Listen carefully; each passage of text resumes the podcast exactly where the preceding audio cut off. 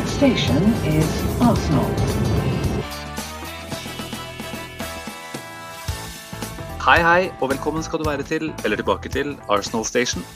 I dag byr vi bl.a. på en fyldig oppladning fram mot City-kampen. Vi skal se nærmere på hvem av Arsenal-spillerne vi tror har kommet best ut av den lange pausen. Vi setter i gang den faste overgangsbolten vår, og sist, men ikke minst skal Magnus på finurlig vis presentere en gammel helt. Det er en glovarm mandagskveld her i Ski, og jeg antar at det er ganske hett i Løten også, Magnus. Eh, Når vi nå nærmer oss avspark på Balløya, hvordan har siste helga blitt brukt? Nei, det er jo trope her òg. Siste helga den tenkte jeg skulle markere på, på best mulig vis ved å stikke til fjell, skru av telefonen eh, og bare la være med naturen. For det, det blir en god stund til hun kan gjøre igjen uten å ha behov for å sjekke hva som foregår på Balløya, og ikke minst se Arsenal-kamper. Så hadde jeg vært smart nok til å, å ta på meg Sol i tillegg, så hadde helga vært eh, en solid sekser på terningen. Men jeg sliter litt med å snu både nakke og eh, rygg her oppe. Så nei, det har vært eh, Det blir godt å sitte inne med et bad med aloe vera og se fotball nå. Red and white er jo fargene våre, så du, du skal jo i hvert fall ha for at du, er, eh, at du lever opp til de. Der er jeg representert nå. Det, det er litt synd for at jeg har eh, røde armer og hvit eh, drakt. Eh, Jeg er motsatt av Arsenal. sånn som. Ja, nei da, det får nå heller være. Ja, nei, selv har jeg vel eh, ikke gjort stort, bare ligget og lata meg. Eh, Bada litt og tatt noen øl i parken med noen eh, bekjentskaper. Så en sjelden, en sjelden frihelg for min del, som jobber turnus eh, hver tredje. Men eh, veldig glad for at det gikk an å gikk an å late seg varmen. Ikke, ikke, og ikke minst ikke være låst inne til en TV-skjerm eh, i x antall timer både lørdag og søndag. For det, det kommer til å bli mye av framover. Vi får satse på kraftige regnbyger. Ja, god samvittighet når man sitter inne, det er, det er faktisk litt viktig.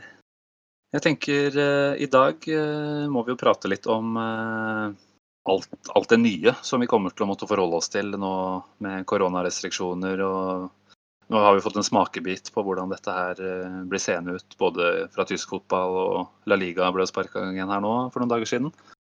Eh, Det har jo, ja, vi har vært inne på det tidligere òg. Det er jo tomme tribuner, det er, eh, det er stadionlyd eh, på TV, og det er mange bytter. Det er rett og slett mange, mange nye ting å ta hensyn til. Hva, hvordan tror du vi reagerer på dette her? Jeg så en halvtime på den eh, første matchen i La Liga. eh, på torsdag var det vel, mellom Real Betis og Sevilla. Og det første jeg tenkte at uh, her har vi jo en, en uh, fotballmatch med en sånn Fifa 99-bakgrunn. Uh, rett og slett bare en blokk med farger på tribuna. Og i starten så var det en distraksjon, litt sånn at det ser bare dumt ut. Men etter hvert som jeg begynte å, å følge med på fotballen, så var det faktisk litt deilig å ha det der eh, i bakgrunnen. For det føltes eh, litt eh, naturlig. Jeg tror ikke alle tenker sånn. Men jeg tror de har jobba godt i kulissene i de siste ukene nå på å finne, finne måter å gjøre det de sier, produktet til mer, mer spiselig. Så har du, har du reagert på samme måte som meg, eller? Så jeg har vel full forståelse for at det blir store meningsforskjeller på dette her. Jeg eh, har i hvert fall en del fordommer mot både stadionlyd og disse tilskuerne. Tenker at det, det tror jeg ikke jeg trenger. Eh, Jeg sammenligner dette her med å se fotball på vors, egentlig, og da skrur jeg av lyden og setter på musikk. Eh, Ofte veldig grei bonus å slippe å høre på kommentatorer også. Litt avhengig av hvem som er i andre enden der. Men jeg tenker jo at det har vært strategien min på et par av de kampene jeg har sett nå, da. Og det har funka veldig bra. Sitte og prate med folk uh, istedenfor å nihøre på alt som blir sagt og andre lyder på stadion. Klarer du liksom å følge, følge like godt med, eller merker du at du lettere eh, forsvinner ut? Eh, distrahert av en smarttelefon f.eks., som mange av oss eh, jo blir.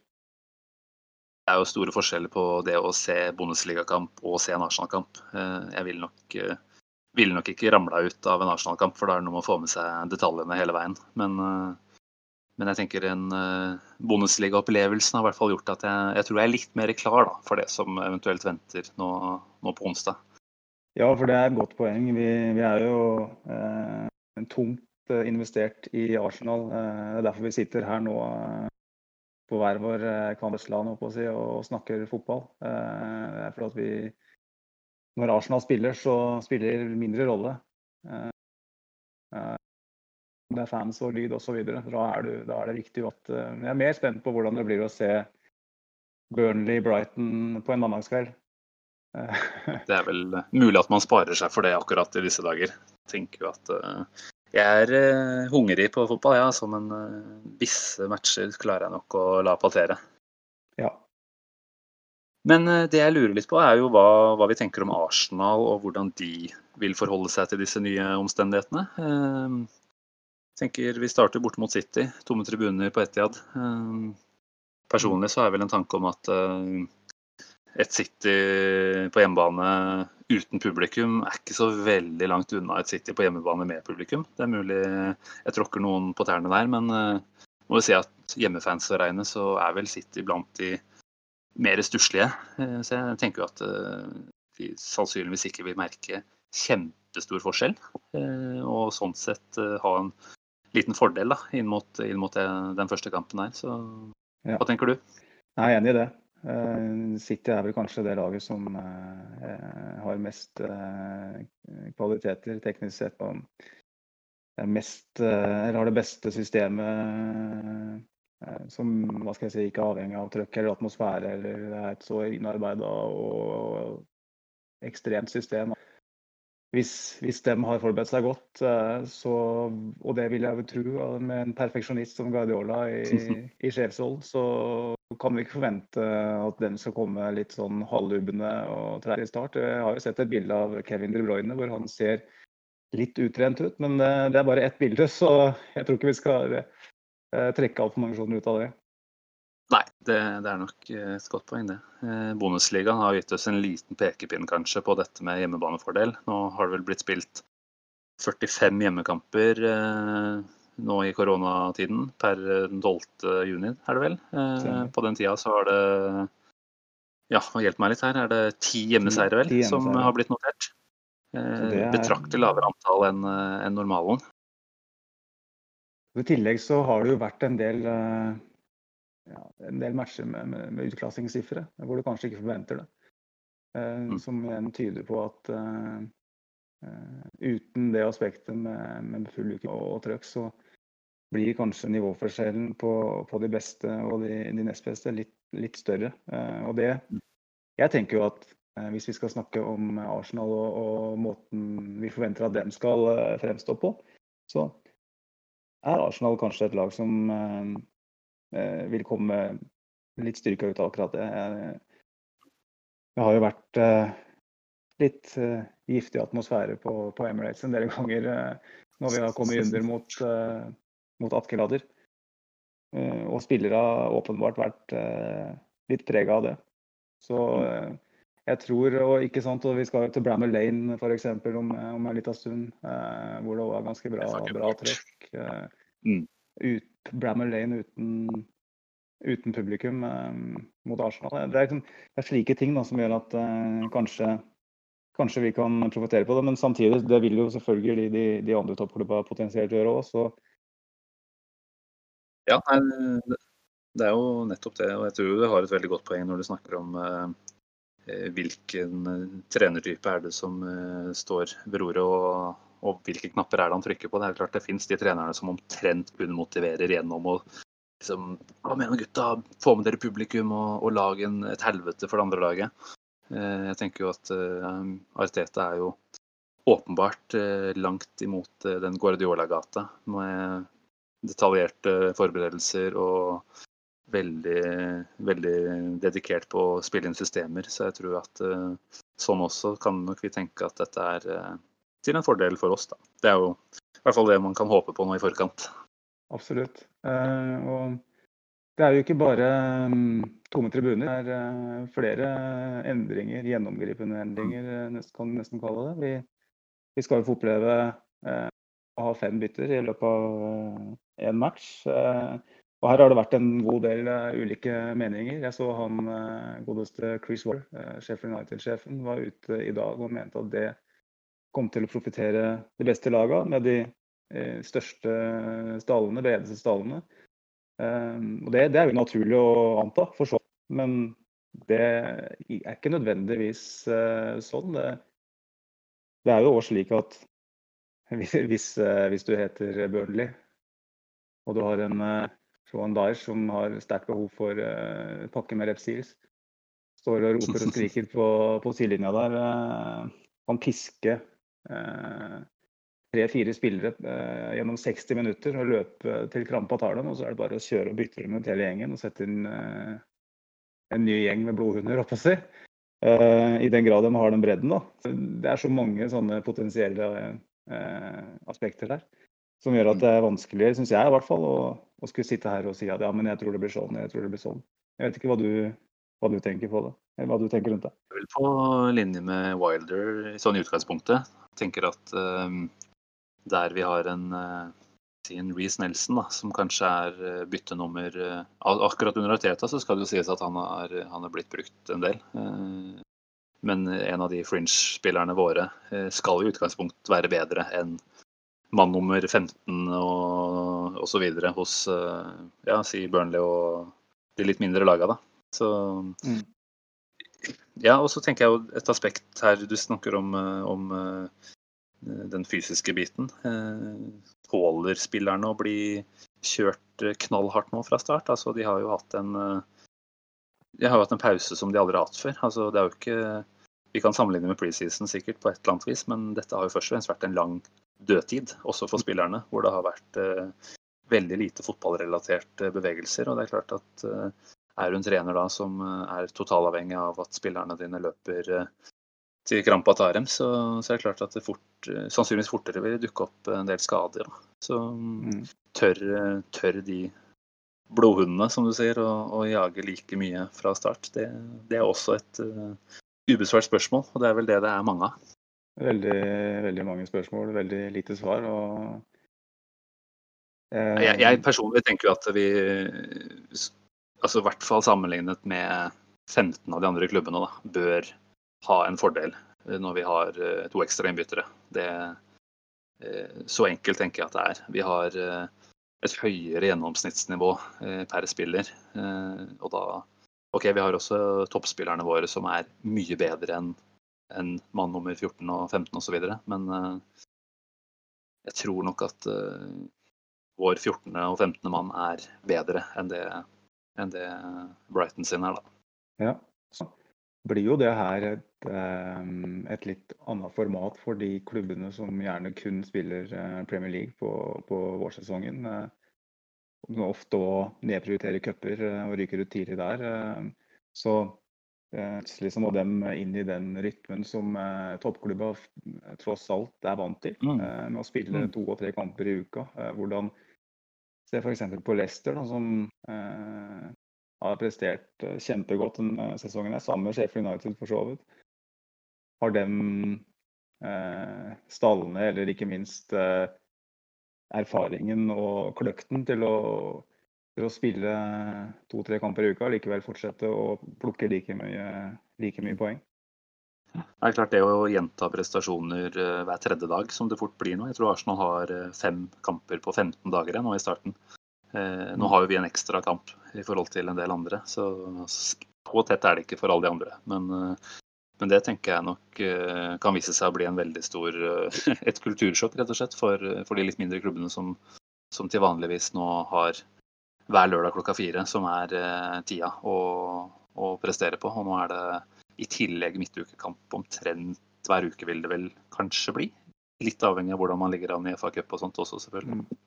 Vi har jo vi har jo så vidt eh, fått nyss at det har blitt spilt noe fotball på, på Emirates Stadium uh, siste uka. Uh, og kun fått sett ja. noen sparsommelige høydepunkt. Highlights. Mm. det virker ja, nei, det var vel veldig... har kommet seg gjennom, kommet seg gjennom det. Arteta på dagens pressekonferanse sa vel når tidspunkt mandag kveld, så sa jo han at alle spillere var tilgjengelige.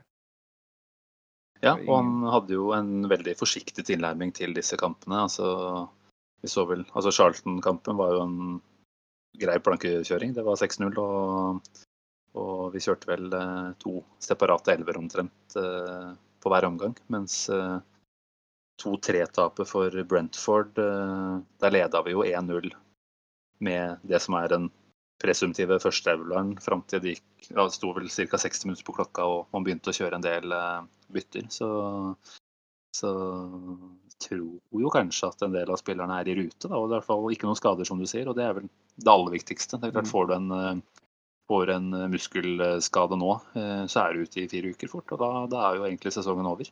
Ja, og nettopp eh, muskelskader har det vel vært en, en markant økning på i, i Bundesliga. Mm. Som er kanskje det eneste målbare vi har sånn sett, som har fotball i noen uker. Så vi må nok forvente at, at, at det kommer en oppblomstring på det. Så en forsiktig tilnærming nå er nok, er nok smart. Vi er vel ikke viden kjent for å være laget med best skadeforebygging på særlig muskelskader og sånne små småting. Da. Eh, nå har jo, er det Shad Forsight eh, sørga for at det, det, ser bedre ut det enn det gjorde for noen år tilbake. Men eh, mm. det er jo noe jeg kjenner at stadig vekk skremmer litt. Det å plutselig sitte der med, med to-tre nøkkelspillere ute med noe, med noe sånt, noe rusk nå. Det, det tåler vi ikke. Det ble jo etter hvert en tradisjon at Wenger henta inn en, en, gammel helt sånn rundt januar-februar for å tette hull i stallen. Uh, Lehmann, Campbell, Henry. uten at nødvendigvis det var motivasjonen bak alle de overgangene. Så, så var vi sjelden det laget som lå nederst på skaden. Det er vel én en, en, tabell jeg føler vi har vunnet mer enn nok antall ganger. Så.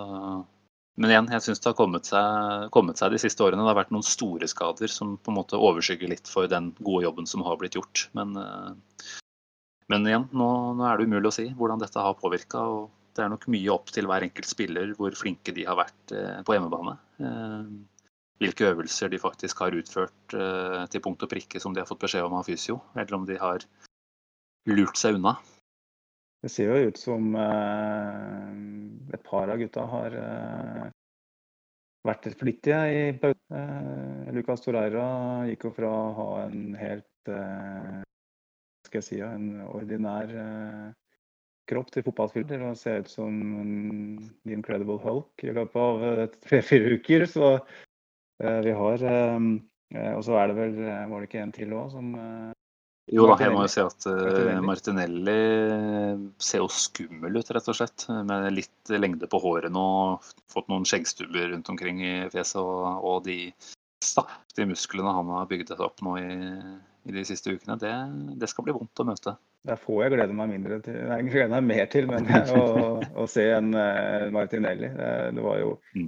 kanskje sesongens uh, høydepunkt til nå.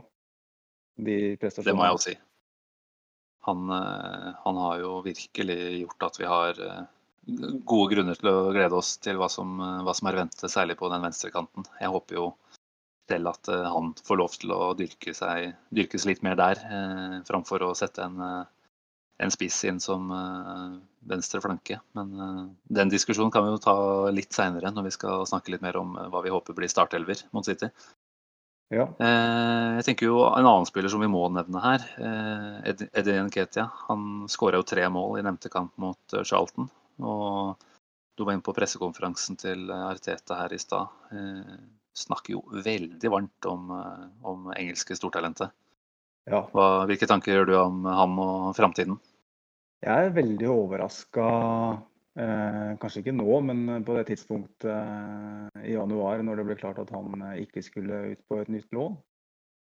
Da hadde vi jo både Aubameyang, Martinelli og Lacassette som hadde kunnet spille i, denne rollen. Og hvordan eh, klubben da tenkte at liksom, det, er bedre at han er her eh, for å få spilletid, kontra å gå til en championship-klubb. Men han hadde jo da imponert eh, voldsomt på trening, ifølge Ariteta.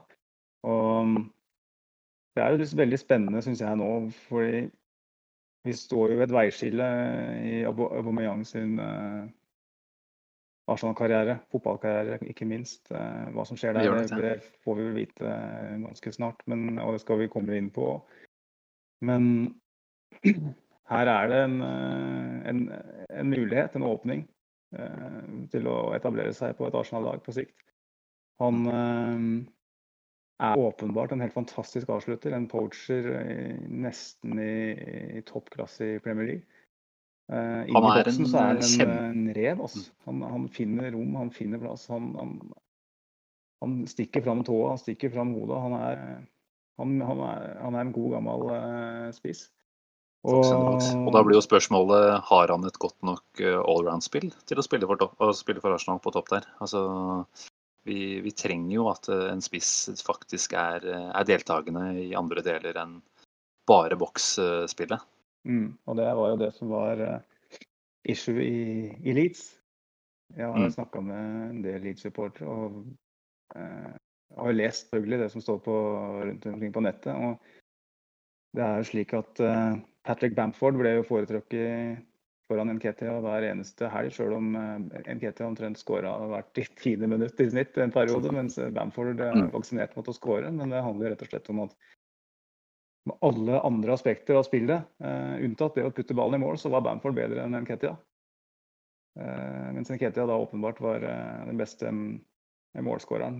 men systemet fordra jo at, at, det var en spiller med, med, flere kvaliteter enn bare det å skåre mål. Det er jo blitt den moderne spisserollen. at Det er jo nesten sånn at, at du må ofre seg litt for, for innoverkanter osv. For, å, for at dem skal få plass. For å bruke Firmino som det åpne eksempelet, så jeg ser jo Jeg har litt vanskelig for å se at Nketia har de kvalitetene. Han har jo mm. Han fikk jo spille i den rolla, men eh, jeg, jeg tenker jeg var litt inne på Aubameyang. Og kanskje er det en sånn type rolle. Eh, et sånn type system hvor, hvor du da har en, en høy bekk eh, fram, og som skaper eh, bredde i den fasen, som gjør at, eh, at det er plass for en, for en målsnik til å snike seg gjennom stopper og, og, og bekk. Mm. Aubameyang er jo òg en spiller som ikke har all verdens allround-spill, men han er en helt vanvittig målskårer. Så jeg føler at der, det er der muligheten kanskje ligger for en Ket. Vet ikke om, om, du er enig i det? Han er 20 år, da, er han ikke det? Det er mye tid til å, til å jobbe han inn i en rolle som Arteta ønsker. Om det er som toppspiss eller om det er som en en flankeløsning, det, det vet jeg jo ikke. Men jeg tror jo at uh, Arteta har gitt noen signaler om at uh, han ser for seg Nketia som en, som en toppspiss. Uh, og ønsker å pushe han til, å, til, å, fortjene en sånn rolle, da. Jeg, jeg, er jo litt, som jeg sier, heller av et, en oppfatning at jeg, jeg ser gjerne en, en venstre flankespiller på en venstre flanke, ikke en omdisponert spiss. Uh, kaller meg litt uh, konvensjonell der, altså. Men, uh, men jeg syns nok at en Martinelli-type gjør seg litt bedre der. Og så tar jeg heller en Tierney framfor Saka på mange områder på venstrebekken. Men da er jo ja, igjen, igjen, spørsmålet hvor hva da med, med Osaka, som uh, sitter sitter med ett år igjen av kontrakta. Eh, mm. Og helt sikkert eh, kommer til å eh, kreve litt av hvert for å, for å bli. Det, han er jo Jeg skal, skal ikke for mye inn på det nå, men han er jo interessant for veldig store klubber. Og hvis, hvis han blir brukt til en rolle som ikke passer han, så Og jeg mm. føler jo at venstre kant eventuelt i han her nå, passer han veldig godt. man kan mm han er, jo, han er vel relativt god med begge bein, så han kan både trekke inn og, og gå ut på kant. Så han er eh, så det, det, er litt synd egentlig at både Martinelli og Bukayo Saka mm. virker å passe best i, på venstresida. For det er de to virkelig store talenter, føler jeg, da, i klubben per nå. Mm. Men det er som du sier, det er talenter òg. Det er ikke sånn at man skal basere seg på å ha de fra start til slutt i hver eneste kamp. Så det at to sånn type spillere deler på, på, en posisjon burde jo ikke være helt umulig å få til heller. Men, eh, men det er klart eh, det, det, skal nok mye til for å holde Saka fornøyd nå etter alt det han har vist. Jeg tror ikke han nødvendigvis tar til takke med en, eh, en slags reservetilværelse. Nei, han, han, virker jo, han virker jo å være klar, klar for det. Han er jo kjølig som is. Mm. drar luker Ja, nei, eh, rett utenfor 16 og legger en presis ball inn til eh, Aubameyang osv. Det er helt vanvittig hvor eh, naturlig det er for han. Han, han minner jo litt, bitte lite grann om en, en, en spanjol som òg slo gjennom i rundt samme alder, kanskje enda yngre. Når det gjelder akkurat det med å ha det ro på, på midten, og Mm. selvfølgelig på Fabrega, som så ut som han hadde spilt eh, fotball i 15 år på toppnivå når han debuterte. Ja, nei, eh, sånn typemessig så må jeg jo si at eh, Jeg forstår både Saka og Martinelli, men, men Saka er jo en fyr Det er veldig, det er veldig lett å like han. Og det er klart kommer opp eh, fra, fra akademi og har gått, eh, gått veien der. Det, vi ønsker jo alle å se at han lykkes, og jeg tror jo at han ønsker det selv også. Jeg tror at han, han har en kjærlighet til, til klubben, selv om man kan si mye om, eh, om klubblojalitet og sånt i disse dager, så, så tror jeg jo at det er, eh, det er noe han ser for seg selv òg. Det å, å faktisk eh, prestere i Arsenal i en del år framover. Ja, vi får bare krysse alle lem for at vi klarer å holde på han. For det Vi vil Ja, gjerne nei, det- ha bom, eh, bom shaka, laka saka på å si Arsenal. og At ikke det, at ikke det er en annen Jeg tror-. Jeg tror ikke noe, nødvendigvis at Sjaka blir lokal eh, samme klubben, men eh, bare for å si det. Men jeg, jeg, det ville være en langt større tap enn Aubameyang, faktisk. Ja, det vil jeg si. Altså, og det er noe med hva, hva sier de om klubben, da? Altså, en, er den 18 år gammel nå? Eh, OK, jeg, har vel lest at han har fått tilbud om noe rundt 40 000 pund i uka. Mulig han ønsker seg en del mer enn det, men, Mm. eh, men hva sier det om, eh, om klubben om vi ikke klarer å beholde en, en egen unggutt? Eh, det, det ville vært veldig, veldig flaut. Så da tror jeg vel nesten at han godeste Raoul må begynne å pakke bagen. Ja, det hadde du kanskje ikke gjort noe uansett, men enig i det. Nei, hvor, eh, hvor går vi videre? Jeg tenker jo eh, Vi kan jo snakke litt om eh, hvordan Arteta altså, det er klart Arteta kjenner jo City ut og inn eh, fra, fra oppholdet sitt der. Kjenner jo Guardiolas eh, ønsker og ambisjoner i forhold til fotballspillet. Eh, og det går vel sannsynligvis andre veien også. Eh, de kommer til det blir jo en veldig fascinerende taktisk duell, dette her. Eh, Hvem, hvem har spillere som er eh, dedikerte nok og gidder å ta alle oppgavene sine på alvor? Hva tror du? Jeg tror eh, begge trenerne på, på onsdag kommer til å ha godt for spillere. City har bedre spillere enn oss i nesten alle posisjoner. Men Arteta kjenner City bedre enn Guardiola kjenner Arsenal. Så mm, hvis han på noe som helst slags måte klarer å lese eh, læremesteren sin, så, Mhm. håper, så er det jo et håp om at han kanskje kan ta han litt på senga på et vis. da. Han har jo Ja. Det er jo det en av de tinga som eh, eh, Arteta eh, rosa for av Guardiola, var jo nettopp det at han eh, kunne komme opp med, med, med løsninger som han sjøl ikke hadde tenkt på. Mm. Eh, han, var en, han er en veldig kreativ coach, Arteta. Mm. Eh, sjøl om han har en veldig definert stil, så tror jeg han har evnen til å variere. og, og Derfor så, så jeg har, har jeg litt trua på at eh, at vi kan overraske litt. Men jeg, jeg tror fortsatt at vi, at vi kommer til å tape. Men vi kan fort eh, Det, er ikke umulig at vi, at vi kan være med og kjempe en stund. Men kamp varer i 90 minutter. og Manchester City har så mye kvalitet at selv om vi skulle lede på noe punkt, så føler du jo at, at sjansen for at de klarer å vippe det i sin favør, er, er stor. Da. Så det blir en Vi fascinerende duell. en, eh, bygger opp en del forventninger her nå. Så skal vi være ærlig, så er det vel minutt tre Aguero 1-0. Eh, Ja. Vi får jo ofte en smell i trynet fortere enn det vi, det vi tror. Eh, Så det er vel egentlig det vi bør forvente oss, og heller eh, ta de positive overraskelsene derfra. Der har vi vært i mange år. Eh, Vi har vel ikke vunnet borte mot eh, topp seks-motstand siden vi vant nettopp på Etihad i 2015, er det vel? 15, ja. siden. sin kjempekamp. Stemmer det? Ja, nei, det- Ja, for så vidt han òg. virkelig eh, introduksjon i, i Arsenal, tror jeg, etter åtte år. Eller hvor lenge det var. Så, eh, Ja. Hva tenker, du om, eh, hva tenker du om motivasjonen her, da? Altså, Arsenal niendeplass. Eh, for så vidt ikke altfor mange poeng opp til eh, en femteplass, i hvert fall. Som kanskje kan gi en Champions League-plass. Mm. City derimot ligger på andre, har jo null sjanse på tittel.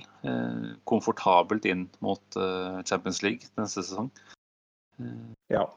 I mitt hode så, så, håper jeg i hvert fall at eh, City går inn til dette her med litt mer bedagelig innstilling. Det er lov å håpe, Simen, men eh, jeg må innrømme at uh, perfeksjonisten Guardiola skremmer meg litt. Han, også, det, han er typen som han kan avgjøre ligaen i, i, mars, og så vinner likevel laget altså resten av matchen. Han, han er så perfeksjonist. jeg kan aldri tenke meg at gjennom en tremåneders pause, at han skal sende ut på et lag som er litt halvveis motivert. Det vil sjokkere meg nesten, rett og slett, hvis han gjør det. Så jeg tror eh, vi må forberede oss på at vi møter et heltent eh, City. Et litt revansjesugent City som lider litt av å eh, mediedekninga som, eh, som, foregår nå med den saken i, i, i Kass. Eh, det skal mm. avgjøres hvorvidt de skal spille Champions League eller ikke neste sesong og sesongen etter.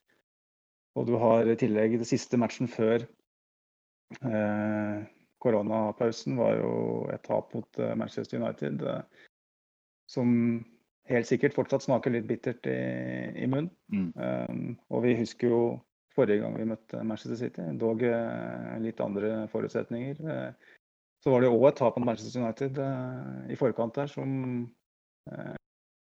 gjorde nesten ble litt håpefulle med, med Fredrik Jungberg, som nettopp hadde tatt Arsenal til en seier mot Westham. Kanskje snudd litt på skuta, og så gikk det vel ett og et halvt minutt, var det ikke da, før det var igjen? Ja. Da satt den i nota fra Kevin De Bruyne. Det er riktig. Nei da, det, det, er nok dessverre en del uh, som tyder på at de, de har en uh, en klar Nå har ikke jeg sett selv hvordan treningskampene til City har gått. Jeg vet ikke om du har det? Det har jeg ikke fått med meg. Nei. Det er jo knapt nok mulig å få med seg hvordan det har gått med Arsenal, for du får jo først beskjed når kampen er spilt. Så.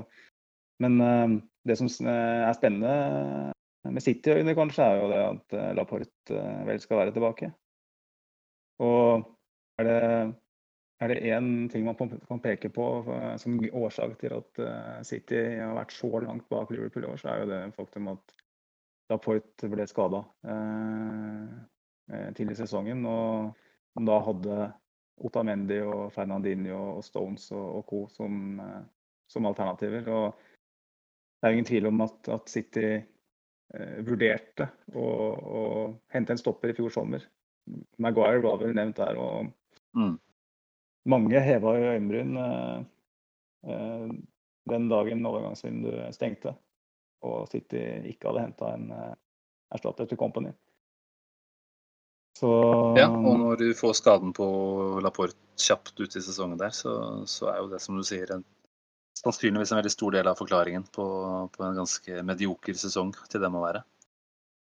Så, ja, nei, de er vel skadefrie. Hvorvidt han er spilleklar, det vet ikke jeg, men uh, Hvem er spilleklare etter tre måneder pause, kan du si. Så, ja, det er nettopp. Så det er, det er mange lag som uh, alle vil jo få spillere tilbake, med mindre de ikke hadde noen skade i det hele tatt. Og så er det noen da som, eh, som kanskje sitter og, og spesielt dessverre Tottenham, da, som eh, får tilbake mm. både Kane og, og sånn. Eh, som kan eh, dra store fordeler av, av, det her. Men eh, sånn er det nå en gang. Vi, vi, skal ikke sitte her og klage på at, at at koronapausen eller koronapandemien har ført til at Tottenham har fått spillere tilbake. For da blir vi litt Nei, vi får ikke, vi får ikke bli for smålige. Vi, vi, vi, ønsker jo på sett og vis at dette er fair, og at man har sine, sine beste spillere tilgjengelig. Det er jo alltid morsommere å vinne òg mot et toppa motstanderlag. Det er det. Eh, skulle vi prøvd oss på en liten startelver-spådom eh, til onsdagen, eller? Ja, hvordan skal vi gjøre det? Skal vi Kan vi ikke bare bli enige fra start? Eh, vi starter bakerst, og jeg tenker det er jo ikke noe tvil hvis vi starter helt bakerst. Der er det tyskeren. Der er det en, en eh, tysker, ja. Eh, det er ikke Lehmann. Sjøl om han Så sikkert hadde børsta støv av hanskene sine hvis jeg hadde bedt noe om det. På hekk Så har jo Beirin, som du påpekte, spilt begge Påpekt vel før, før sending, kanskje. Ja, jeg husker ikke om jeg nevnte det nå i starten av sendingen heller, men, men det er klart Bellerin på høyrebekken virker som en ganske klar, eh, klar foretrukken der. eh. Mm. Midtstopperparet. Ja, det, den, det må vel være Louise og, og vår aller kjære venn Skådran, eh, antar jeg. Det var den som spilte før eh, pausen, med unntak av eh, var vel noe suspensjon på Louise gjorde at Pablo Mari var inne der. Men jeg tipper det blir Ja, det er klart. Det er jo synd at, synd at Louise er hellemot å ligge, eller like seg best på venstresiden bak der. Hadde jo, tror jeg, kunne vært en veldig fin eh, kombinasjon med han og Pablo Mari. eh, Som selvfølgelig må spille på venstresiden. Eh, Det er klart, Skodran har Han har for så vidt skjerpa seg, han, altså etter, etter Artetas inntreden, bortsett fra bortekamp mot Chelsea. Ja. Men jeg tenker jo som alltid med Skodran at har han tre gode kamper, så øker jo bare sjansen for at det neste er, det er en kjempeblemme i, i vente. Så jeg kjenner at eh, han bort mot City kan Ja, de gjør at jeg nesten mister nattesøvnen min. Det kan nok være at det blir, eh, blir noen våkenetter for meg i forkant. Så det er jo bare to våkenetter igjen da, i så fall, så da er jeg snart som får sove litt. Men Ja, det, det tåler vi. Ja, nei, men vi får, vi får lande på Louise og Mustafi. Det høres nok sannsynlig ut.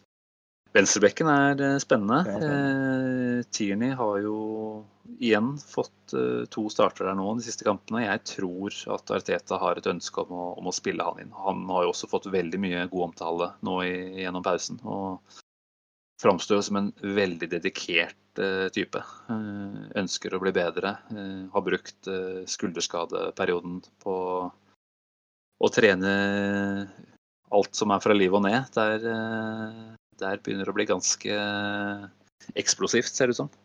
Så He's uh, jeg, jeg, jeg, incredible, tror at vel Ja. Ja. Nei, eh, jeg tror Tierney tar den.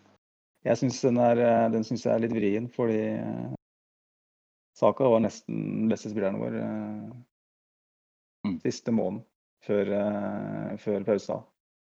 Så det, det føles jo også litt rart å skulle ta han ut. Litt ufortjent, eh, med mindre han eh, finner en plass til den ellers. Så faktisk så så vil jeg Ja, men jeg, jeg blir med på Tierney, men eh, jeg er veldig 50-50.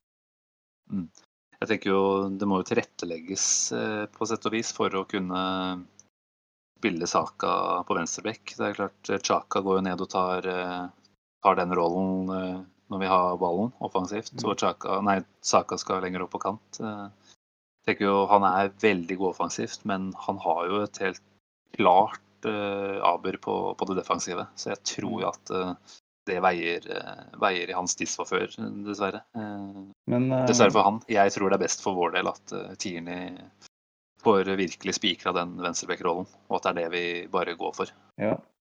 Men det kan vi komme tilbake til i midtbanen, men jeg er litt sånn spent på akkurat det med Sjaka. Eh, Har han, har han spilt, egentlig? Jeg har ikke sett det Har han spilt? navnet hans. Men det er sånn at jeg, ikke, at jeg sovet i timen også. Jeg har hatt så mange våkenheter som sagt, i forbindelse med det her, så at eh, Ja, nei, jeg skal ikke si, si noe sikkert. Eh, Jeg ville jo, hvis han er klar, gjetta på at han tar en eh, dyp rolle sammen med Ceballos. Mm, Eh, Ceballos virka jo å spille seg veldig inn i Artetas eh, Kanskje ikke hjerte, men i hvert fall eh, hjerne eh, etter hvert som tiden gikk. Og Ja, det er spennende. igjen, det kommer an på hvordan folk, folk har brukt, eh, brukt eh, perioden her. Men eh, jeg tror kanskje de to ut- utgjør en midtbaneduo, og eventuelt en trio. Og hvis det blir en trio som det kanskje burde bli borte mot eh, City, så tror jeg kanskje at Gendosi tar den siste plassen der.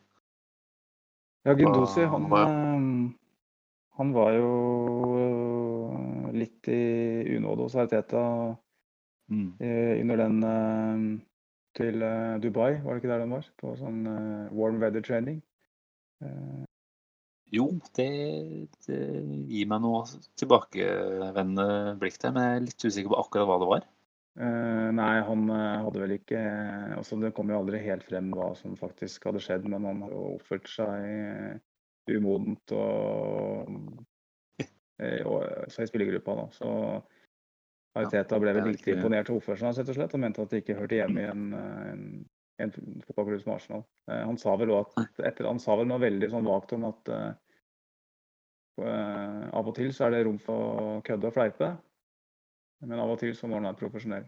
Og det var noe i den eh, i gata der som ble uttalt fra Teta, eh, som var veldig sånn stikk mot uh, Gendusi. For han, han, eh, han er ikke like eh, ærlig som Jungberg var rett før, men han er du får noen eh, klare formeninger om hva- fyren mener. Han er ganske ærlig, i Så jeg, men eh, han fikk jo, fikk jo tillit noen kamper etter det. Så jeg føler at Torreira eh, For tidlig. Dessverre Ja, det kan det òg være, men jeg er usikker på om Torreira er en spillertype som Arteta kommer til å satse på. Mm.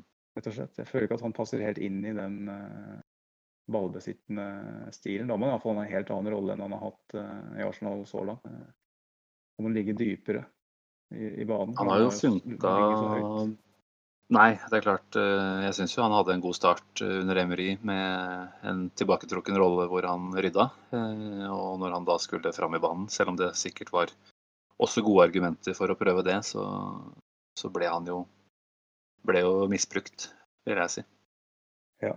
Men tilbake til laget. Skal vi Mm. Hva er alternativet? Maitland Nice har da spilt Nei. på midten en god del, men det ville Ah, overraske meg veldig om han plutselig går inn der. Så da må jeg vel eh, støtte meg på deg og si at, eh, at det blir Jussi sammen med, med Sjaka og Sebajos Hvis, hvis, eh, Du sa Ødsel? Hæ? Du sa Ødsel? Nei. Gendosi. Nei, jeg syns du sa Ødsel. Ja, ok. Eh, Gendosi Ja, for det er klart. Ødsel har vi jo ikke Vi har jo ikke nevnt Ødsel Det engang. ikke, nei. Det er klart, Det eh, klassisk eh, bortekamp hvor eh, Ødsel ofte ikke har vært så veldig god, hvis det er lov å si det. Han eh, bør jo, eh, av de grunnene jeg nevner der, sannsynligvis få lov til å starte på benk. Men, eh, Men Ariteta har jo helt måttet bruke Øzil i de aller fleste kampene. Og der også er jeg veldig spent. Altså, hva har Altså, Øzil har jo hatt svingende motivasjon, har jeg et inntrykk av, under Emery, åpenbart. Og det Ariteta på en måte har gjort med å snu, snu det forholdet til å være litt mer kjærlig. Eh, spennende å se om Øzil har lyst til å returnere, returnere kjærligheten og, og virkelig eh, jobbe for å, for å kunne ta en plass eh, i en, en slags tierrolle. Jeg syns han var veldig god i, i perioder under før- fram til mars. Mm. Så sånn sett så Det virker som som Ariteta var veldig lur på at han at de ledestjernene han skulle spille, det er Lacassette, er Aubameyang, det det er Özil, eh, det er Sjaka, det er David Louis. Også de største personlighetene, de største navnene, har fått spille stort sett. Eh, Mm. Så jeg, jeg, jeg tror vel kanskje det er ganske store sjanser for at Özil starter en, eh, starter en kamp Ja. nå. Ja. Mange poenger som det blir eh, veldig veldig spennende å, å følge fram mot eh, både kampstart og etter kampstart. Eh, vi klarer kanskje ikke å lande helt. Eh, bestemmer vi oss der? Chaka, Ceballos og Gundosi, er det der vi ender opp? Eh, ja. eh, jeg tror faktisk Øzil starter, jeg også, når jeg tenker meg om. Okay. OK. Ja, ok. Nei, men, det, men vi trenger ikke å være enige. Vi skal ikke publisere den elveren her på et nettsted liksom, og si at her, her er det elveren vi tror. Vi kan godt være uenige. Jeg tror Øzil. Jeg tror da Ja. Gendosi ryker. Nei, eh, da sier jeg Gundosi, da, bare for å være uenig. Viktig. Men samme av det, dette er ikke så viktig. Eh, front tre, eh, hvis vi gjør det litt kjapt, som vi ikke bruker for mye tid her. Mm. Start på høyre. Jeg tror han går for eh, Reece Nelson fra start. Enig. Jobber defensivt eh, og produserer offensivt. Jeg tror ikke han stoler nok på PP, eh, særlig ikke borte mot City. Så, så der, og der støtter jeg Arteta 100 Jeg har veldig, veldig ja, spennende hva Nelson, som på en måte nå har falma litt det siste, siste snaue året etter et brukbart utlån, i hvert fall starten på det utlånet i bonusliga. Og så har det kommet for en dag at uh, tilværelsen i Premier League er litt tøff. Uh, men, uh, men han tror jeg virkelig kan få en eh, hvis man kan si en ny vår for en så ung spiller. Men eh, jeg tror Arteta har veldig mye godt eh, i, vente for Reece Nelson. Det er bare å se på de, de grepene han gjorde med en Stirling, selvfølgelig. Det er lett å sammenligne de.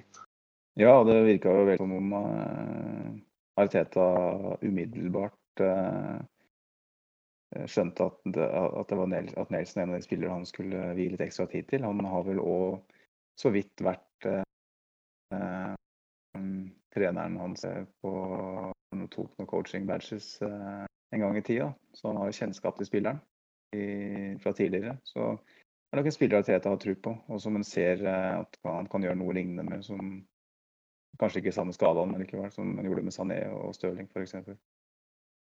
Nei. Nei, vi får se. Eh, venstre flanke? Der er det vel eh, Aubameyang som eh, starter. Ja, det tror jeg også. Og da gjenstår det å se om han har fortsetter tilliten sin til Eddie på topp, eller om Lacassette har spilt seg inn. Det skal sies at Lacassette har eh, også sett ganske sharp ut foran mål. Eh, Skårte jo en kremgold mot eh, Charlton. og hadde en spiller typisk, i klubben som trengte den pausen her, så var det kanskje Lacassette. ja, ja han, han, kan jo kan jo ikke bli dårligere. Han skåra jo en siste kamp mot Westham, men virka jo helt ut av det i perioder her. Så kunne ikke treffe en eh, låvevegg, som man sier i England. Og, det, når han endelig fikk endt den måltørken sin mot Newcastle, var det vel, så skjøt han vel via sin egen fot. Eh, mm, stemmer det. Så, han, eh, så det målet mot Charlton var jo klasse. Det er klart det, det er ett skudd. Men hvis vi kan få en gang han, så har jo han litt mer de ferdighetene som kreves i den moderne spiserrollen enn det Nketia har. Eh, og hvis han er i form, hvis han er sharp, så vil jeg ha Laka der. Og jeg håper, eh, jeg håper det er han som starter, selv om jeg har moro med Nketia. Men jeg tenker at både Nelson og Nketia blir litt voldsomt eh, borte mot City. Ja, ja så tenker jeg at uh, hvis vi skal si minutt 60, uh, vi trenger en uh, vi trenger en supersub jeg tror faktisk Nketia kan være den spilleren i større grad enn det Lacassette kan være også. Mm. Så, så, jeg heller mot å gi Laka tillit fra start der. Og jeg tenkte det er kanskje greit å signalisere nå etter tre måneder av at uh, det er jo en viss rangering ut ifra alder og, og, erfaring. Og det er klart, gir man rett altså første mulighet nå til Eddie, så, så er jeg litt redd for hva det gjør med med innstillingen til en som Lacassette, som også selvfølgelig ryktes eh, på vei bort. Ja. Uh... Men, uh, nei, men vi går for, vi går for Lacassette der, så da har vi vel fullført starthelveren. Da har vi, vi se, nesten, se om vi treffer. nesten identisk òg, så da blir det den Øzil Gendusi som avgjør hvem som stikker av gårde med pokalen av oss to. da.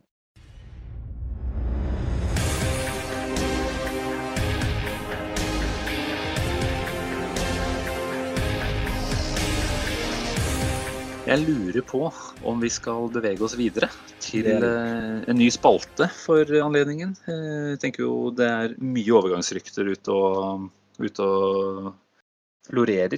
Eh, vi tenkte at vi skulle ta en liten sannsynlighetsgjennomgang av de mest aktuelle ryktene. Vi snakker kort og greit om ett og ett rykte, og rater fra 1 til 10, i hvilken grad vi tenker at det er sannsynlig med med gjennomføring. Thomas Party har jeg lyst til å starte med. Vært eh, kobla lenge. Eh, type navn. Altså, det er veldig mye å like med, med den eh, linken der. Hva, hva, tenker du, Magnus? Nei, altså når vi snakker om å hente en spiller som eh, kan gå inn i stammen laget her og sprøyte inn noe som det har mangla i mange år, så er Thomas Party eh, et godt alternativ. Han, eh, han, er veldig allsidig og funker, funker, jo veldig godt i et uh, Atletico Madrid. Eh, de spiller på en helt annen måte. Så har han jo ballferdigheter òg, uh, som gjør at han ikke nødvendigvis avhengig av å ha en ved siden av seg som kompenserer for, for manglende ferdigheter. Da. Så det er vel snakk om utkjøpsklausul på 50 millioner, millioner, euro her. Og i mm. pre-koronatider skulle det vært et røverkjøp av dimensjoner. Sjøl om han er, han er vel 26, så Han har vel blitt 27, tror jeg har faktisk. det ja. ja. Eh, Men i sin beste alder. Jeg tenker det er lov å kjøpe spillere som eh, skal inn og, og være sjef fra dag én. Eh, Det er ikke alltid vi gjør det, altså. Og særlig en sånn type rolle der på midten. Der trenger vi jo en, eh, en leder og en eh, signalspiller, eh, hvis eh, man kan bruke det begrepet. Så det, er ikke, det er ikke noe røyk uten ild, og det har vært mye det har vært mye prat om Party nå over lang tid. Eh, Jeg kjenner at det har vel vært noen frierier ute og går fra hans eh, entourage, eh, ja, særlig i forhold til Premier League, men jeg tror vel Arsenal har blitt nevnt ganske hyppig. Ja, og det er litt overraskende. En spiller som spiller for et- lag som eh, har prestert på et helt annet nivå enn Arsenal de siste åra, dog eh, med en spillestil som kanskje er mindre uh, hyggelig å se på, så er det en spiller som uh, helt sikkert har mange store klubber som sikler etter seg, hvis, hvis det er behov for en sånn type på, Ja. på midten. Så um, jeg, jeg har jo sett Uh, Eller fulgt ryktet her eh, en god del uker, og det hotta jo skikkelig opp i, i helga. Jeg, jo, jeg lå jo ut helt i helga, men jeg var jo, hadde en skikkelig researchøkt i går hvor jeg satte meg inn i hva som hadde skjedd. Og når uh, Cadena Coop, eh, eller jeg vet ikke hvordan du uttaler det, radiokanalen i, i, i Madrid er det vel, Mm. eh, som har veldig gode kilder i Atletico. Eh, I tillegg en journalist som en Antonio Ruiz, som skal være veldig pålitelig. Forstår seg på året i Spania. Eh, melder at, eh, at, at Atletico Madrid har rett og slett gitt opp på den, og at Arsenal er den mest sannsynlige destinasjonen. Eh, og det er liksom sånn Enten så er det veldig hold i det ryktet her, og Arsenal jobber med, med det her og kanskje faktisk får det til, eller så er det en eh, Thomas Party prøver å få en eh, veldig god avtale i, Atletico og bruker, bruker Arsenal. Det, det, vi har, det har vi opplevd før. så Det har sett det før. Jeg kjenner jeg dessverre, men jeg føler jo at av, Ja. av, de, av de ryktene som florerer, så er det definitivt det som er mest røykrutt. Ja, nei, jeg får vann i munnen av å tenke på det. Eh, Jeg eh, er villig til å sette åtte av ti på at eh, Party er i Arsenal før neste sesong. Det er saftig. Det er litt sånn preseason-optimisme. jeg er ikke der, jeg. altså. Jeg er mer enn en, eh, en fire og en halv. Ja, skal jeg gi den femmer? Er maks. Det er negativt. Ja, men uh, kommer fra Innlandet, vet du. Sindige folk.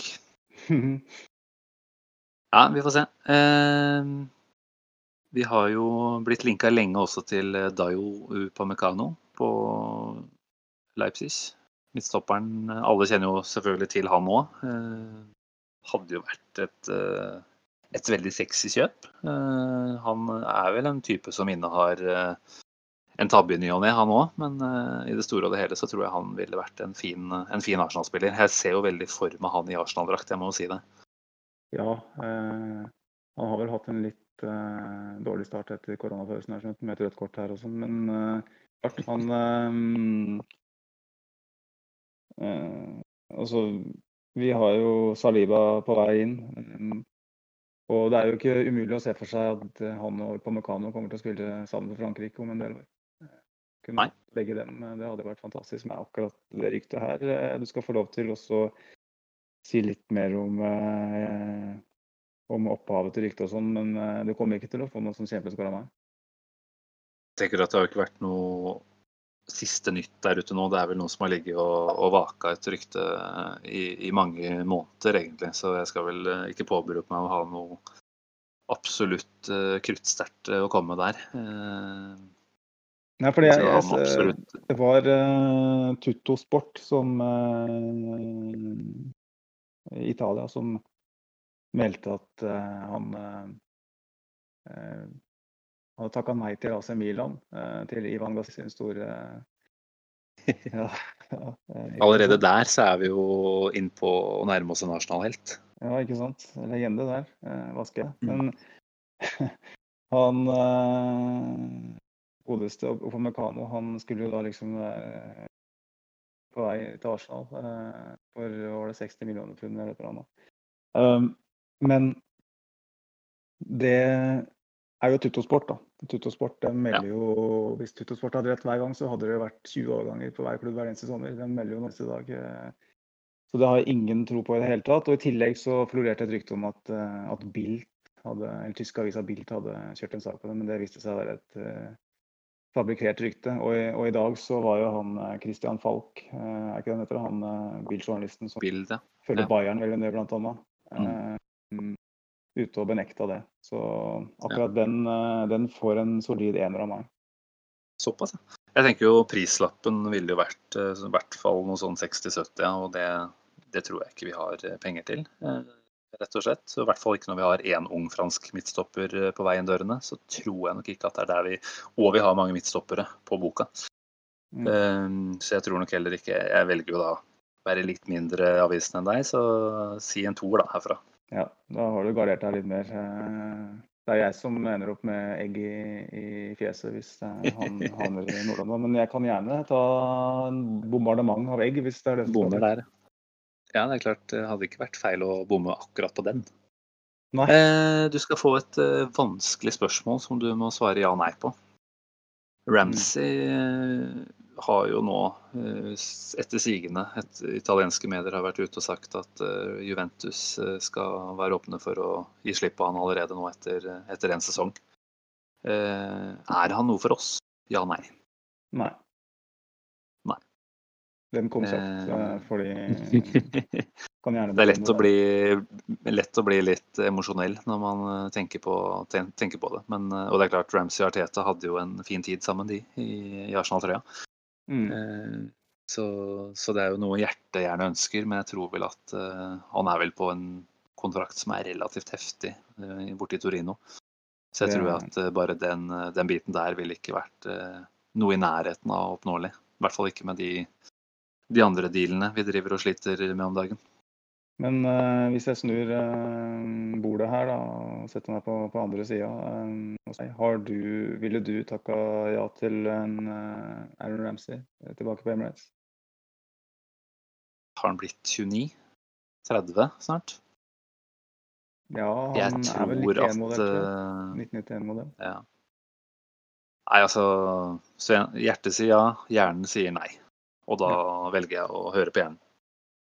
Det kan være lurt, det. Eh, Ja. Så vi kunne gjerne hatt den som en, der, vi hatt en sånn slags kontrakt som sa at han eh, spilte FA Cup-finale for Arsenal.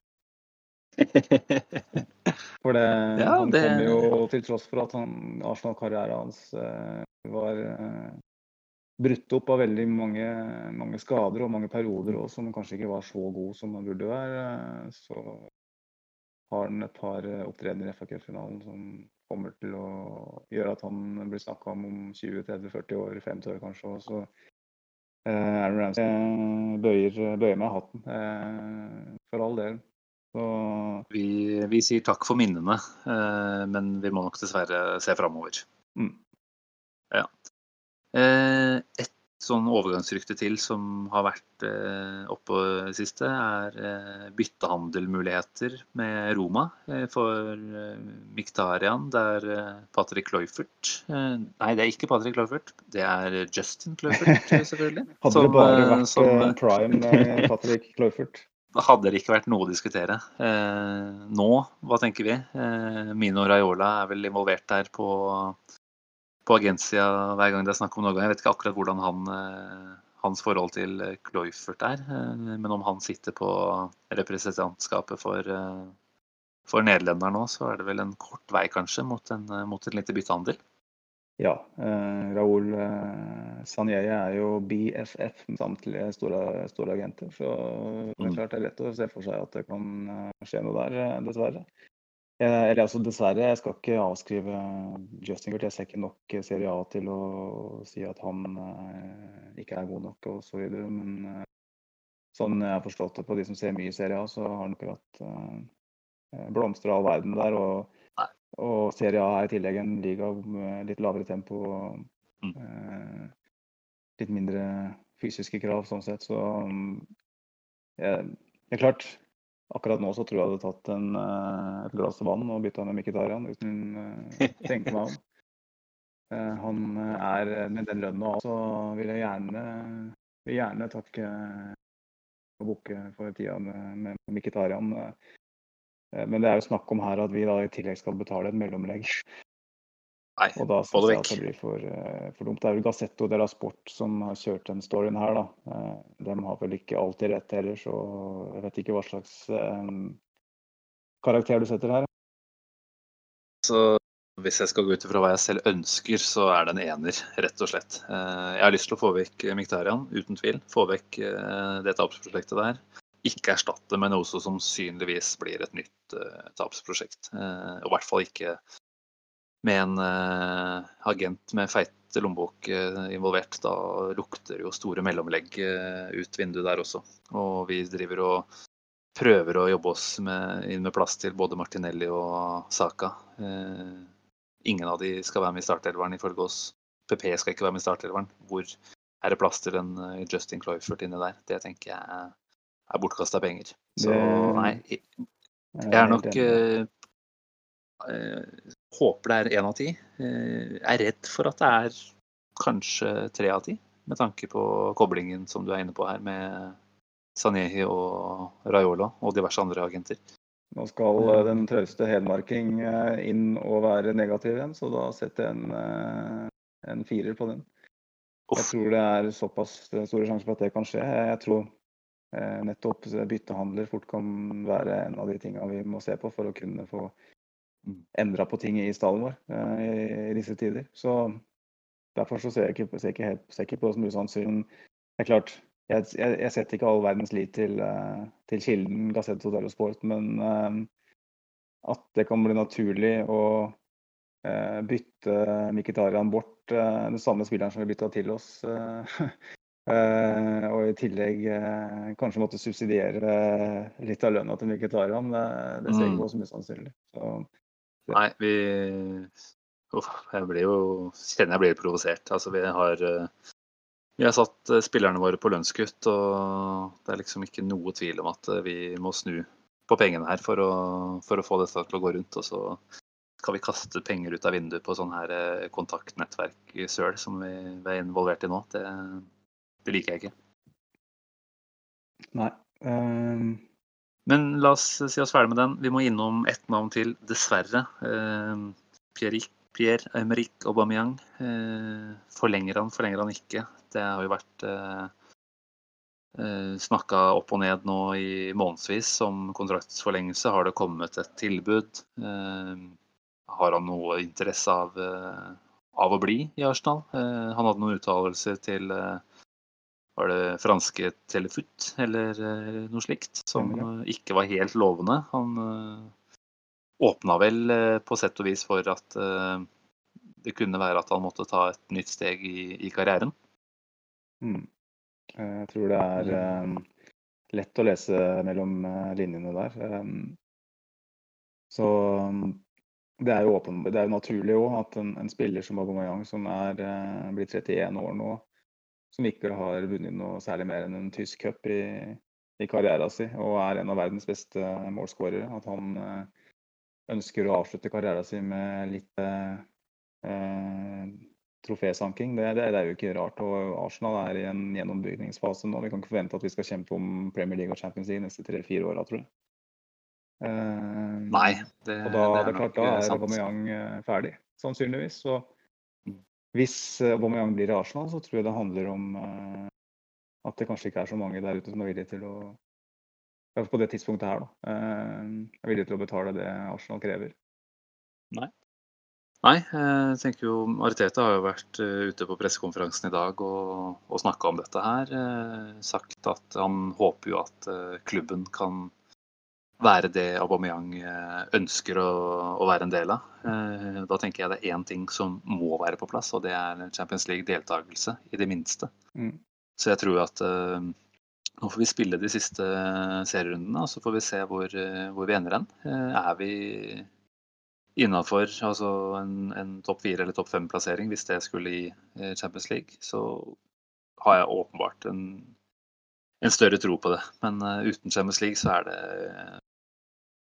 ja, Han forlenger i hvert fall ikke. Det er det ikke noe å diskutere engang. Da tror jeg nok han eh, går også, for vi ønsker å få noe, noe cash tilbake. Ja. Um, Keep, er det ikke det vi, vi kaller den franske Jo. store, store avisa? Uh, dem hadde jo en story for litt av tid tilbake hvor, eh, som meldte at eh, klubben var i, for, i samtale med, med Pierre Emerick om eh, en ettårs forlengelse på nåværende kontrakta. Som eh, jeg syns gir veldig mening. Og hvis vi kunne fått det i stand, så syns jeg det er nesten en optimal eh, løsning eh, nå. Fordi da binder du deg på en måte ikke til en sånn kjempeakt i flere år, men du sikrer deg eh, en spiller i, hvert fall, i alle fall et år til som helt åpenbart kommer til å gjøre Arsenal sterkere enn hvis han ikke skulle vært der. Og Ja, nei, med tanke på situasjonen, så hvem er det som er villig til å bruke en 50-60 millioner pund på en en 30-31 år gammel eh, spiss eh, nå?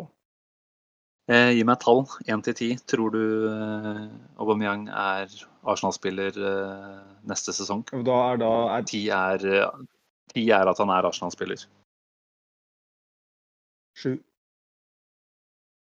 Jeg, jeg aner ikke. Det er vanskelig. Så- det er vanskelig. Nå, nå, nå setter han jo et tall eh, litt sånn eh, Ja. Jeg tenker det går an å si mye mer fornuftig rundt dette her, som sagt, etter, etter at vi er ferdigspilt denne sesongen. Jeg, jeg sier en sekser. Litt mer pessimistisk. Ja, det er godt, uh, godt at jeg kan være optimisten en gang her òg.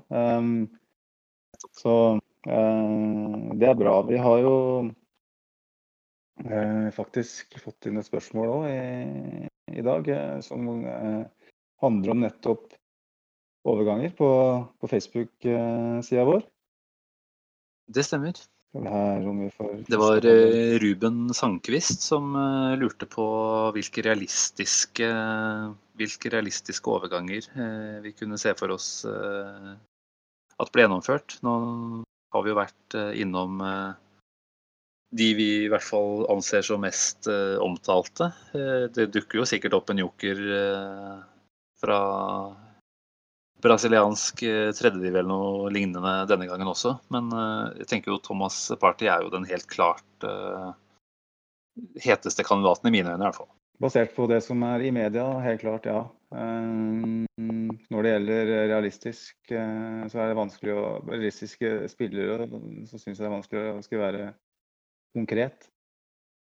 Si at En spesifikk spiller. Det er mer liksom hva slags type dealer er det vi kan forvente oss. Så jeg ser jo for meg at eh, det kan være låneavtaler. Eh, Kanskje noen få byttehandler òg, selv om det ofte er vanskelig. Så har vi jo, har vi jo vært involvert i flere av dem i, i Arsenal opp gjennom åra.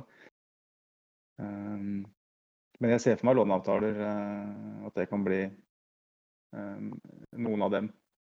Eller det blir, eh, Mm. hvis vi henter eh, Thomas Partley for 50 millioner euro, så tror jeg ikke det blir så mange flere eh, eh, inn. Arsenal er den eneste klubben i Premier League vel, som har, hvor spillere har gått med et kutt. Eh, på 12,5 Ja, det er og er veldig rart om vi plutselig skal ut og bruke en milliard på overgangsmarkedet nå. Eh, Det vil vel være vanskelig å, å svelge for eh, spillere, tenker jeg. Men, men det er klart, kjøper vi, så skal vi nok selge òg. Torreira var vi innom i stad. Jeg ser jo for meg at han, han har vel gjort det tydelig tidligere at han ønsker seg tilbake til Italia. I hvert fall savner mye av, mye av livet der. Mm. AC Milan-linkene har jo vært til stede, så det er klart at hvis godeste Ivan eh, koster opp en, skal vi si, en halv milliard, da, så har vi jo finansiert eh, party der. Ja, og det ville jo være et, eh, et bytte mange av oss nok ville ha takka ja til.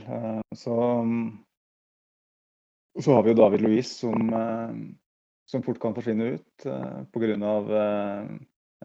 En litt merkelig strukturert deal som ble inngått i, i fjor sommer.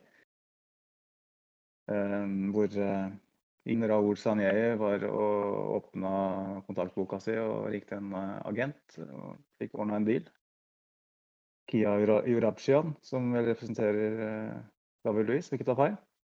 Um, Det er vel riktig. Han- Han har vel en hel, hel stall i Brasil. nettopp. Og uh, han, han har vel eh, ordna en deal der hvor Arsenal betaler 80 millioner pund bare i overgangssum for et ettårsavtale.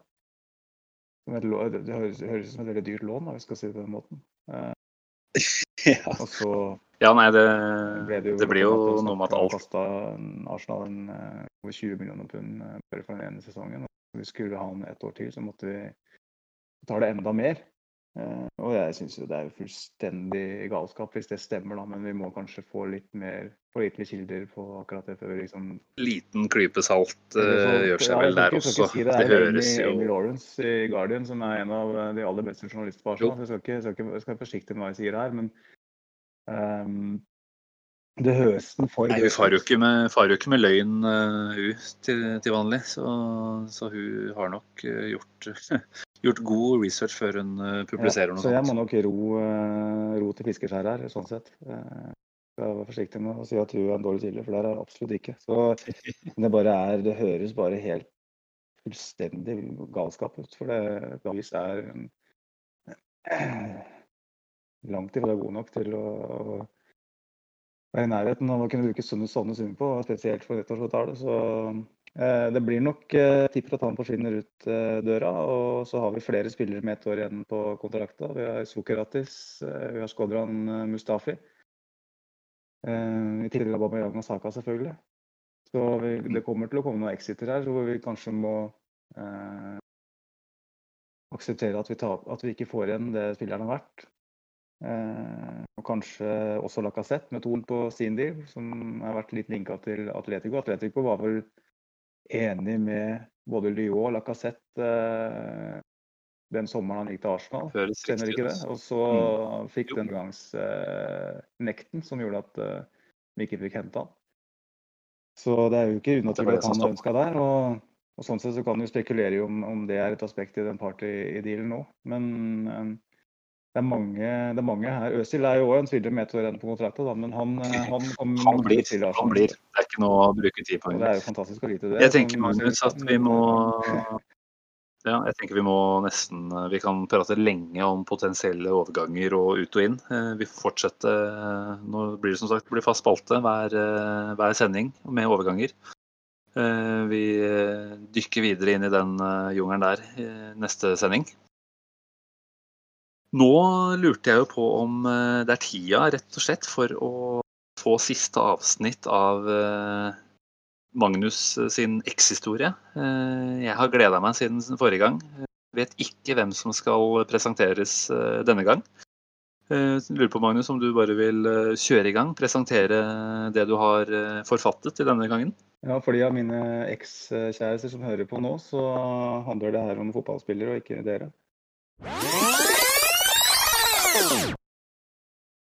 Carling Cup, eller Capital One Cup, eller Carling Cup. La oss bare kalle det ligacupen. Denne noe omdiskuterte turneringen har like mange navn som Picasso, uten at det bidrar til noen glamorøs aura. Snarere tvert om. For nå har den derimot kastet glans over unge håpefulle. Spillerne som tevler om å spise kirsebær med de store. For godt og vel ti år siden var vi inne i en gullalder i så måte. Vi hadde Aaron Ramsey, vi hadde super Jackie Wilshere, for ikke å glemme selveste lord Bentner. Likevel var det ingen av de tre nevnte som fikk blodet til å bruse fullt så mye som det tekniske vidunderet vi nå skal hylle. Arsen Wenger kalte han en av de beste avslutterne han noen gang hadde sett, og mente at han hadde likhetstrekk med en av Premier League-historiens mest dødelige avsluttere. Mannen som av sine egne omtales som Gud, og som skåra historisk raskt hat trick mot Arsenal på 90-tallet. Vi hadde funnet vår Robbie Fowler, og det gikk ikke lenge før vi fikk et hat trick. Dog ikke så raskt, men vel imponerende. I sin første start i rødt og hvitt i ligacupen vartet vår mann opp med et hat trick så glamorøst at paralleller til Picasso faktisk er greit. Sheffield United ble førster for stortalentets herjinger. Spesielt mål nummer to var spektakulært. Tenåringssensasjonen brystet ballen over en desorientert Blades-forsvarer før han skippet ballen elegant over en sjanseløs sistested. Mr. Ship hadde presentert seg. Det var ingen som var bedre til å skippe enn denne gutten. Det ble hans varemerke. Kjølig som is. Dessverre var det denne scenen, uten glitter og glamour, som ble beholdningen for mannen med det gudbenådede venstrebeinet. Mens Ramsay, Wilshere og til dels lorden av Danmark tok steget opp og bidro i Premier League og Champions League, ville det seg ikke for han mange mente var stjerneeleven i kullet. Vi fikk riktignok noen deilige skipper, men han ble fortæret til frokost av sultne murbrekkere som ante hva denne mannen var i stand til. Mange mener han fortjener sjanser, og det kan så være, men han var aldri i nærheten av å briljere på samme vis som i ligacupen. Sommeren 2011 tok han turen til Real Sociedad på lån. Og sommeren etter ble overgangen gjort permanent. Ballkunstneren hadde malt sin siste bue i Arsenal. Han vil for alltid forbli en av Arsenals største could have beens. Senere i karrieren har han vist tendenser, spesielt i La Liga, som understreker det voldsomme potensialet. Men han ble aldri den superstjernen han burde blitt. Den meksikanske realisten Diego Mancera uttalte for noen år siden at vår mann ikke elsket fotball, at han ikke elska jobben sin. Kanskje ligger forklaringen der. Men uavhengig av det ble han ekket av Arsenal-fansen da han skippet seg inn i våre hjerter i 2008. Carlos Berto Vela Garrido. Ingen malte vakrere buer enn deg.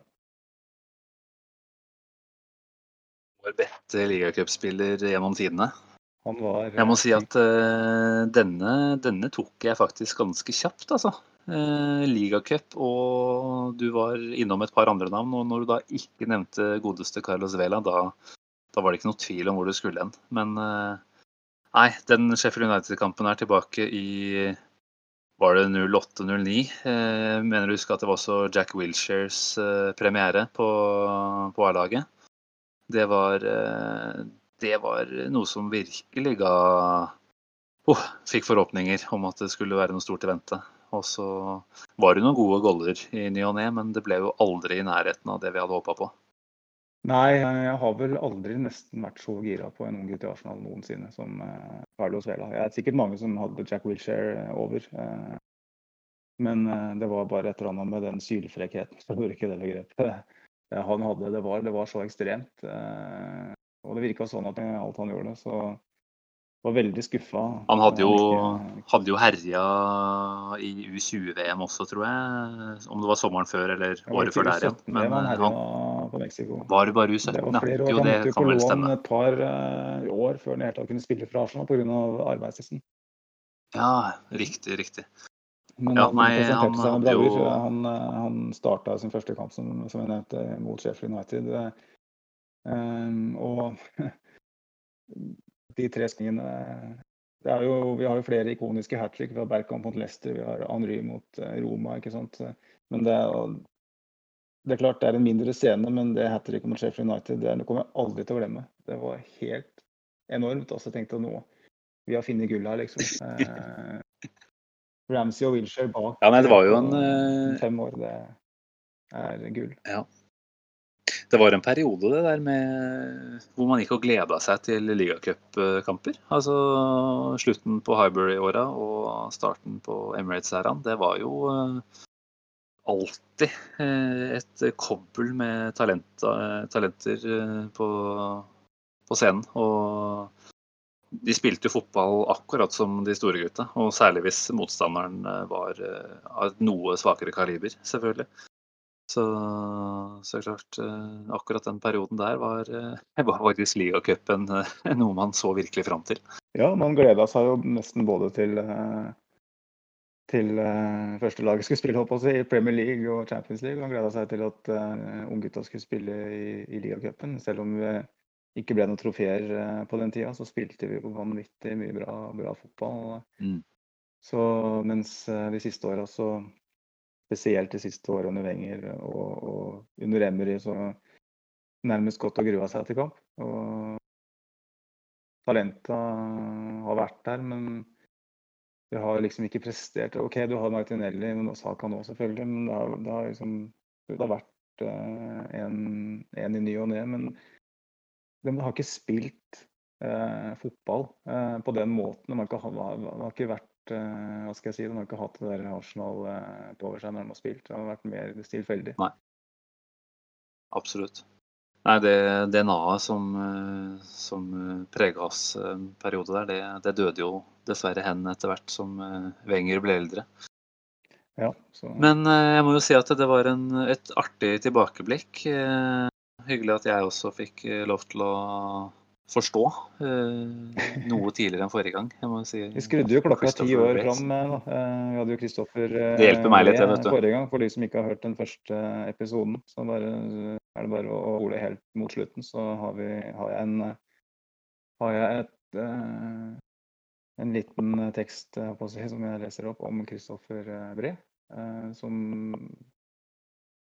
var en en vel så myteomspunnet fyr som Carlos Vela, eh, men kanskje færre husker pga. at det faktisk nå er over 20 år siden.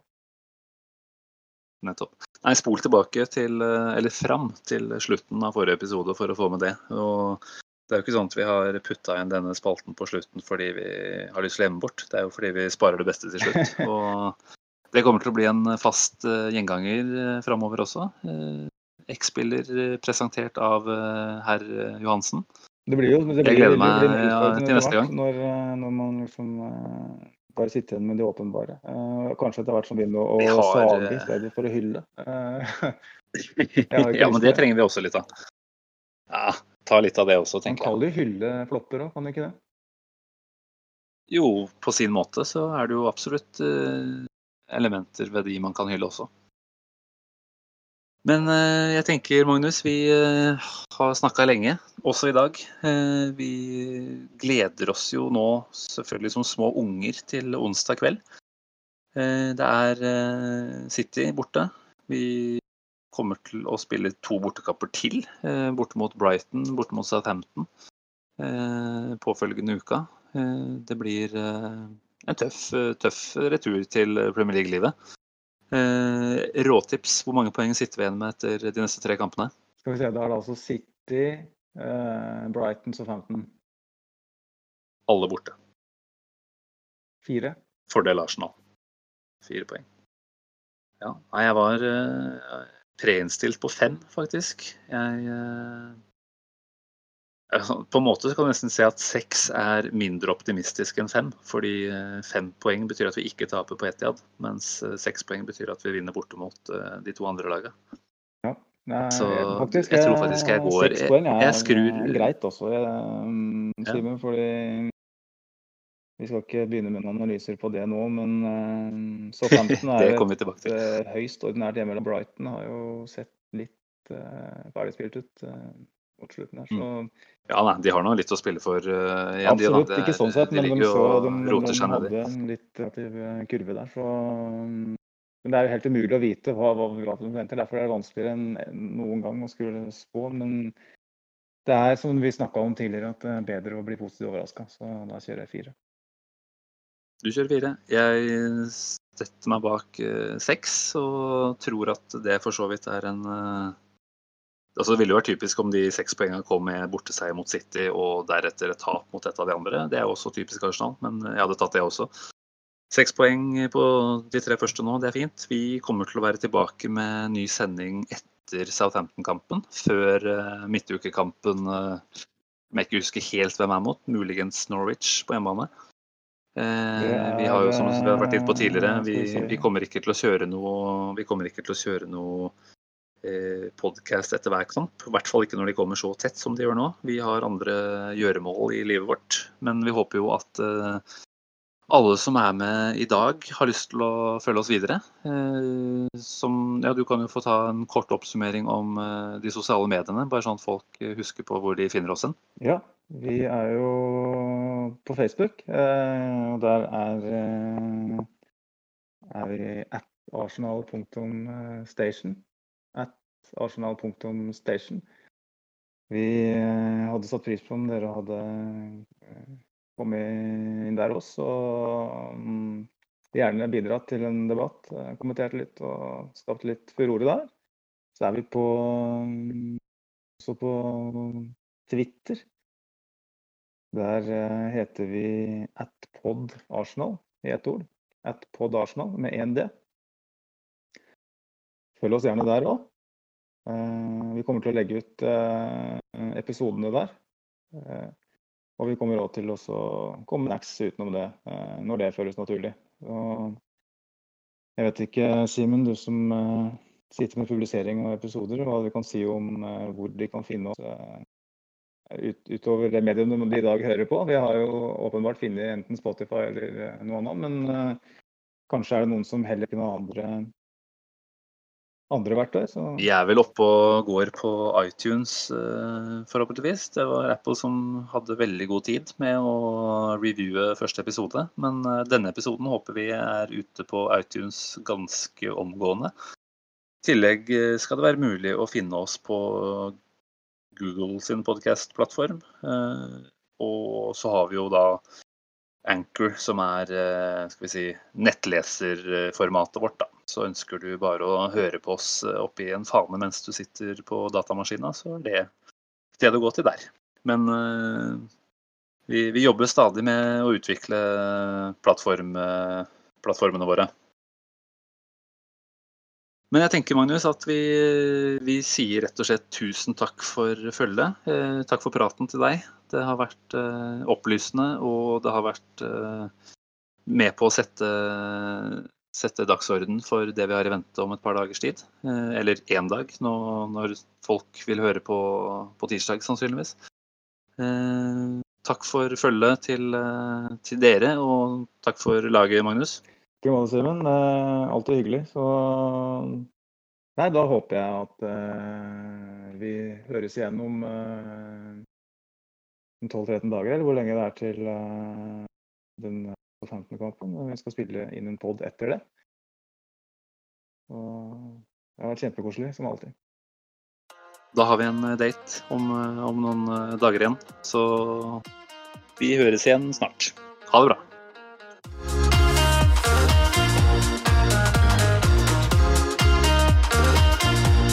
This train terminates here.